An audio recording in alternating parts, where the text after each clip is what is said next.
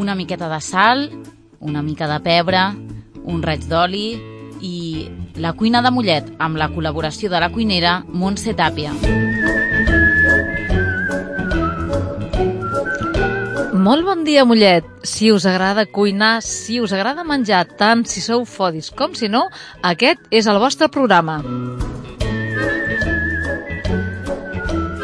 Un programa que es cuina amb amor i on hi cap tot allò que té a veure amb els mercats, els fogons, les taules i les sobretaules. I apa, som a la sala de calderes Francesc Rodés i remenant les cassoles Montse Tàpia.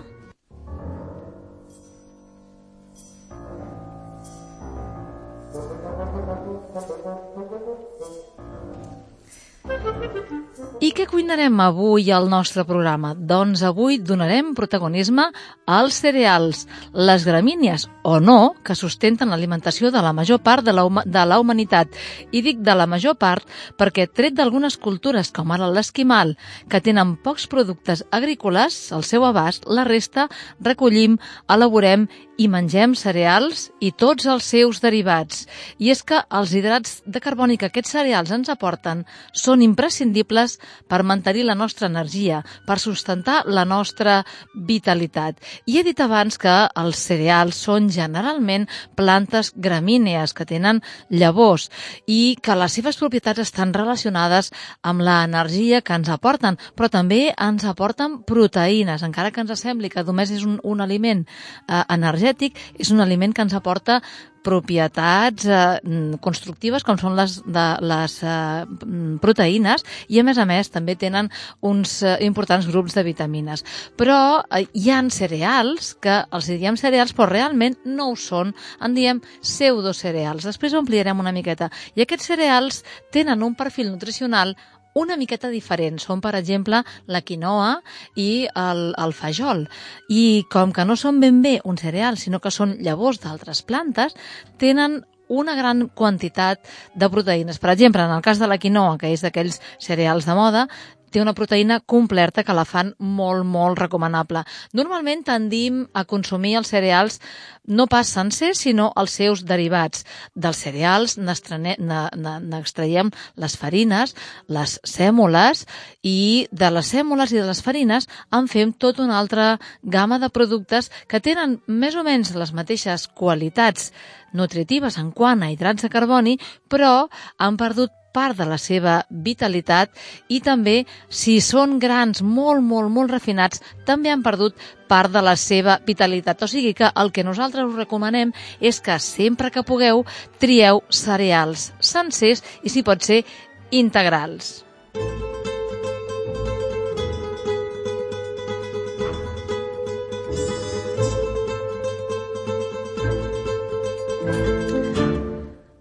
Doncs donem-los nom i cognom en aquests cereals. Mireu, la quinoa, el mill, el bulgur, el fajol, la cibada, l'espelta, aquests més o menys tothom els coneix, però n'hi ha uns altres que van entrant cada cop més a la nostra alimentació i són, per exemple, el triticum, la chia, el camut, el farro, el tref, el fiqui i l'amaran.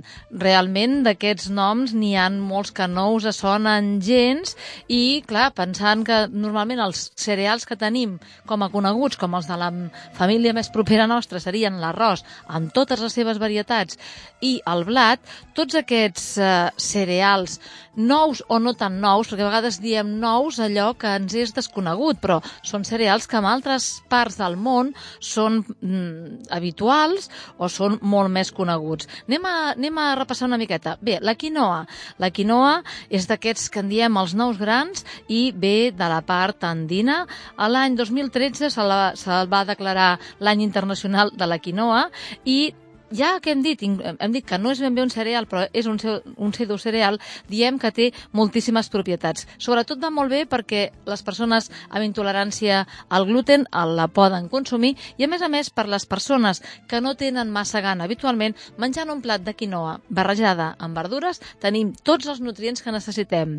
Tenim també l'espelta. L'espelta ben bé és un blat antic, un blat molt alt en proteïnes i en fibra i que, a més a més, a nivell digestiu digestiu dona molts menys problemes que no pas el blat normal. Tenim el mill, sí, sí, i en direu que és menjar d'ocells, però no és només menjar d'ocells. Fa milers, milers d'anys que es consumia a la Xina, a l'Etiopia i a la Índia com a aliment base.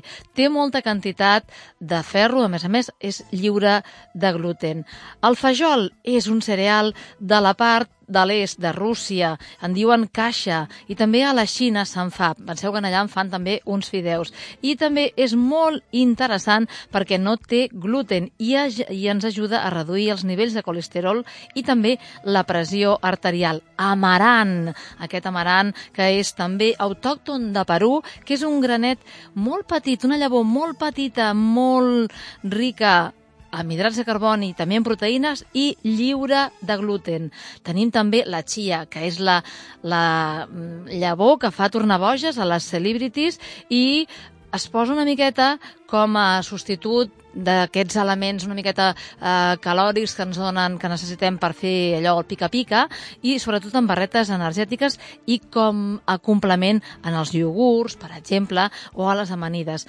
Un altre, el friki, eh? no és pas un personatge de ficció ni de les telesèries frikis, sinó que és eh, un cereal que s'ha consumit durant molts anys a l'Orient Mitjà i el que, el que és és realment un blat que s'ha recol·lectat una miqueta verd. Vol dir que no és tant una varietat de cereal com una manera de collir i de tractar aquest cereal. I, finalment, el tef és un superaliment que ens arriba d'Àfrica, principalment d'Eritrea i d'Etiopia. I eh, n'hi ha de diferents colors, de blanc, de vermell, el marró és ben fosc, i creix sobretot en els climes més adversos. Té un gust deliciós i, a més a més, no té gluten veieu que tenim moltes eh, varietats, moltes possibilitats de cereals alternatius que potser sí que és veritat que a vegades són una miqueta més difícils de trobar, però que ens poden enriquir i ens poden ajudar, sobretot quan hi ha problemes d'al·lèrgies i intoleràncies. Cuentan que en Oaxaca se toma el mezcal con café Cuentan que en Oaxaca se toma el mezcal con café Dicen que la hierba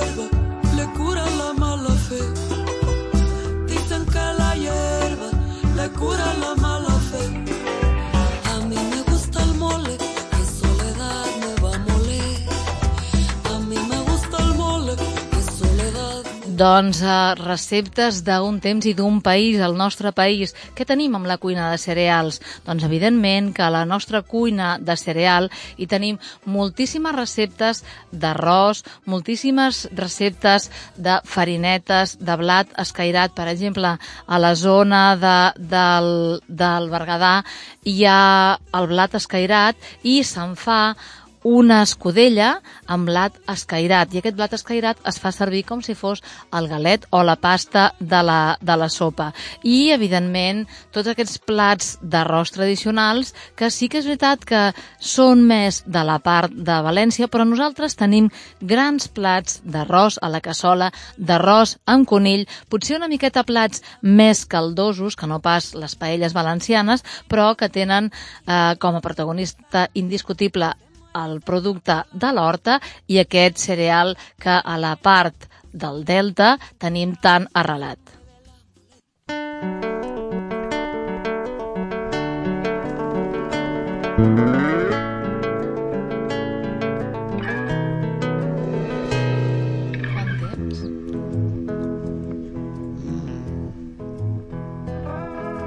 Sitting on a bench waiting for the teco guacamole i anem endavant amb les receptes. De receptes de cereals n'hi ha per donar i per vendre. Us, us en dono una de molt senzilla, que sí que és veritat que són receptes normalment que tenen aquest caire de cuina vegetariana, però que les podem adaptar a totes les famílies, a tots els paladars. Mireu, farem unes croquetes de cibada i aquesta cibada, que és un cereal molt energètic i molt nutritiu, el farem servir en forma de flocs. Necessitarem aproximadament 200 grams grams de flocs de cibada, que poden ser d'aquests flocs una miqueta més primets, dues pastanagues mitjanes, un carbassó sense pelar, una ceba tendra, un manat de julivert i, si ho necessitéssim, un ou i farina de galeta. A més a més, sal, pebre i comí amb pols per condimentar i oli per fregir. Primer de tot, ratlleu la pastanaga i el carbassó i piqueu la ceba,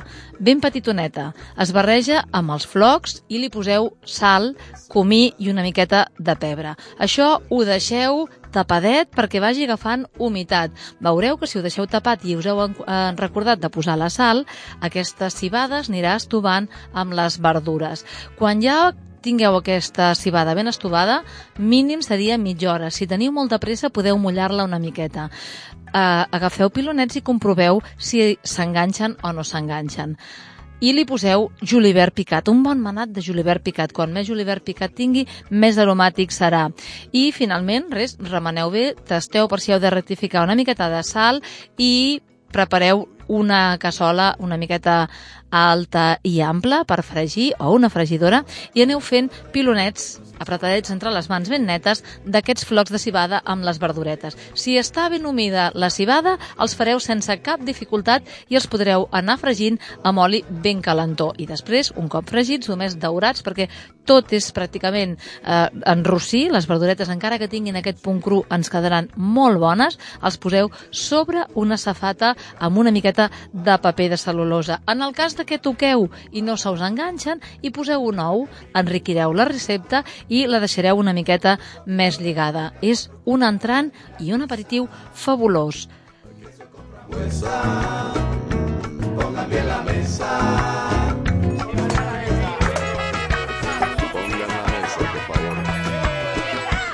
I anem amb una altra recepta, una recepta de quinoa, una quinoa a la taronja amb espàrrecs.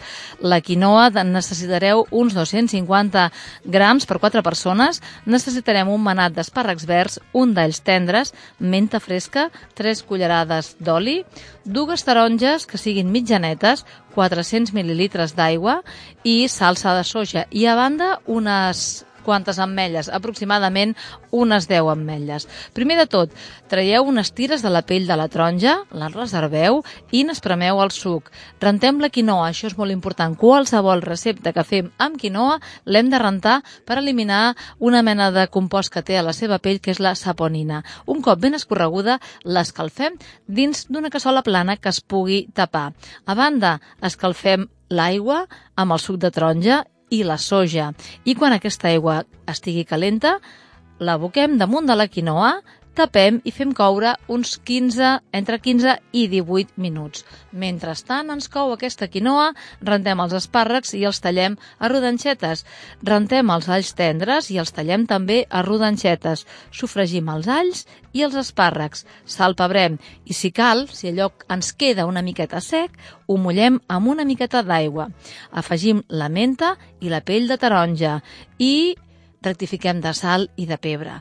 Servim la quinoa amb aquests espàrrecs i al final una miqueta d'ametlla picadeta pel damunt. Summer Avalanche, Copa Mundo, UEFA de la FIFA Just like Queen Latifah I hope she got some reefer i per acabar, un altre, un altre cereal que ben bé no és un cereal, sinó que és un derivat d'un cereal, que és el bulgur. Necessitarem, per fer un pilaf de bulgur amb fruits secs, 250 grams de bulgur, una ceba, un all, 30 grams d'ametlles, 30 de panses i uns 25 grams d'orellanes aproximadament 500 mil·lilitres de brou vegetal, una mica de llavors d'anís, llavors de, carda, de cardamom, si voleu una miqueta de vi blanc. Tallem la ceba amb brunoise, que equival a dir que tallem la ceba ben petitoneta i piquem l'all. També piquem les ametlles i tallem les orellanes. Recordeu que si les orellanes i les panses són una mica seques, les heu de posar amb remull. Comencem per sofregir l'all afegim de seguida la ceba i ho fem coure a foc molt suau fins que quedi transparent. Mullem amb el vi i deixem reduir. Afegim les espècies, remenem una miqueta i afegim també els fruits secs. Un cop tenim fet això i afegim el bulgur, remenem i aboquem el brou calent. Baixem el foc, tapem i deixem coure d'uns 12 a uns 15 minuts fins que tot el brou s'hagi consumit. Al moment de servir, piquem una miqueta de julivert i li afegim un raig d'oli o, si no, una miqueta de mantega. hoping for the chicken yakisoba hope there's some left over. I ja per acabar, una recepta més d'aquests cereals, que a més a més és un cereal, l'espelta petita, que la podreu trobar a Gallecs perquè es, es cultiva a Gallecs. Doncs mireu, necessitem 250 grams d'espelta petita, 4 cullerades d'oli, 4 grans d'all, un parell d'all tendres, mig pebrot verd, mig pebrot vermell, 4 xampinyons, un carbassó petit, 30 grams de pipes de carbassa i, pels que us agradin les algues, un quart de tira d'alga wakame. Primer de tot, rentem l'espelta, i això sí, l'espelta, que és un gra una miqueta dur, convé posar-la en remull, aproximadament unes 12 hores. A vegades també trobareu varietats més eh, tendres que no necessiten remull, però en principi és recomanable un remull. Un cop remullada, canviem l'aigua i posem a bullir l'espelta amb aigua abundant, la fulla de wakame i sal. Ha de coure aproximadament 45 minuts. Un cop cuita, s'escorre bé i es reserva. I reservem també una miqueta d'aigua de la cocció sin assurat i l'alga. I aquesta alga la, la tallem a trossets. Netegem totes les verdures. Això ho podeu anar fent mentre ens va coent l'espelta. Traiem el peu terrós dels xampinyons. Tall tallem l'all, tallem l'all tendre i els pebrots a quadrats petits, el xampinyó a làmines i el carbassó a mitges llunes. I comenceu per sofregir els alls i el pebrot afegim els xampinyons i finalment el carbassó i les algues que heu trossejat al començament. I si cal, si us ha quedat una mica sec, hi afegiu l'aigua reservada de coure l'espelta. Afegim tot seguit l'espelta i, si ens cal, perquè aquella espelta ens ha quedat una miqueta sencereta, li afegim aigua o brou i coem tapadet uns 15 minuts més. I si voleu, podeu acabar amb una miqueta de julivert picat per sobre o si voleu canviar el julivert per una branqueta de farigola us quedarà un aroma molt més farèstec. Queso con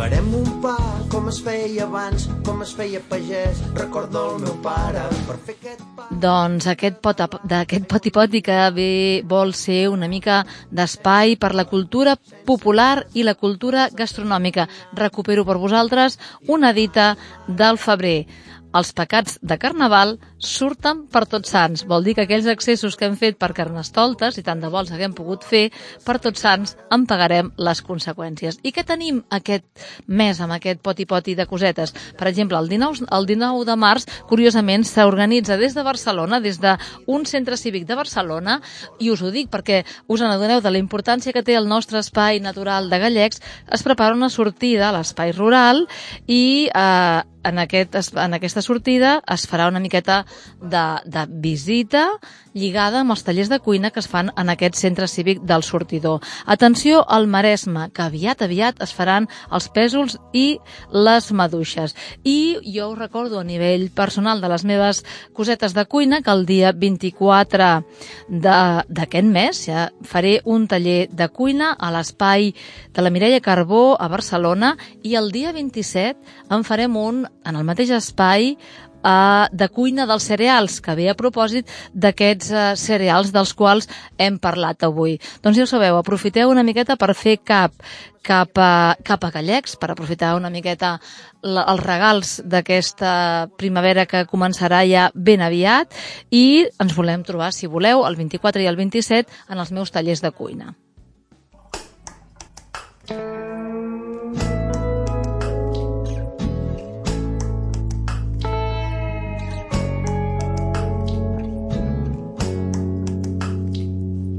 Primero, lo que haría yo primero es poner una cafetera generosa y abundante calentando a fuego lento. Mientras tanto, Cojo un veneno blanco que tengo en un estante, no me trombo la parte. azúcar.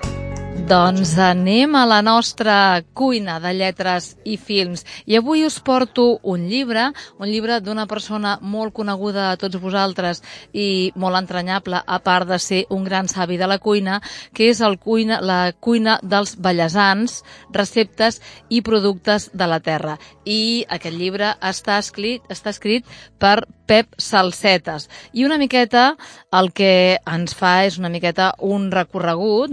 Val la pena que el compreu, el trobareu a les llibreries de Mollet i si no a Gallecs també el trobareu i doncs ens proposa doncs, una repassada per brous, sopes, llegums, arròs, tots els productes, el porc, la matança, el xai, les abelles, els menuts, tot allò que vingui d'en Pep Salsetes, teniu la garantia de que eh, està molt ben documentat i està molt, molt ben explicat. I a part de fer un repàs per tots aquests productes que podríem dir que són mm, no només exclusius del Vallès, però sí característics del Vallès, com ara també d'altres bandes de, de la nostra terra, també fa un repàs per les fondes i les cases de menjar d'abans del 1950. Vol dir que aquí també hi ha una miqueta de recull històric del que es feia a les cuines del Vallès. Us el recomano.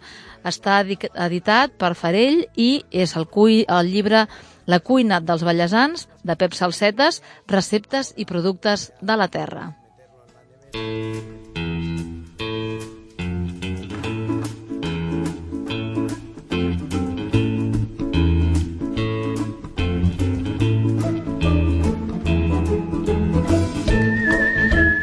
I res més per avui. Recordeu que podeu tornar a escoltar el programa dimarts i dissabte o a través del podcast de Ràdio Mollet i que ens podem trobar a montsecuines.com i a la pàgina de Cuines de Mollet amb Montse Cuines. Doncs apa, que tingueu molt bona setmana. Adeu i bon profit.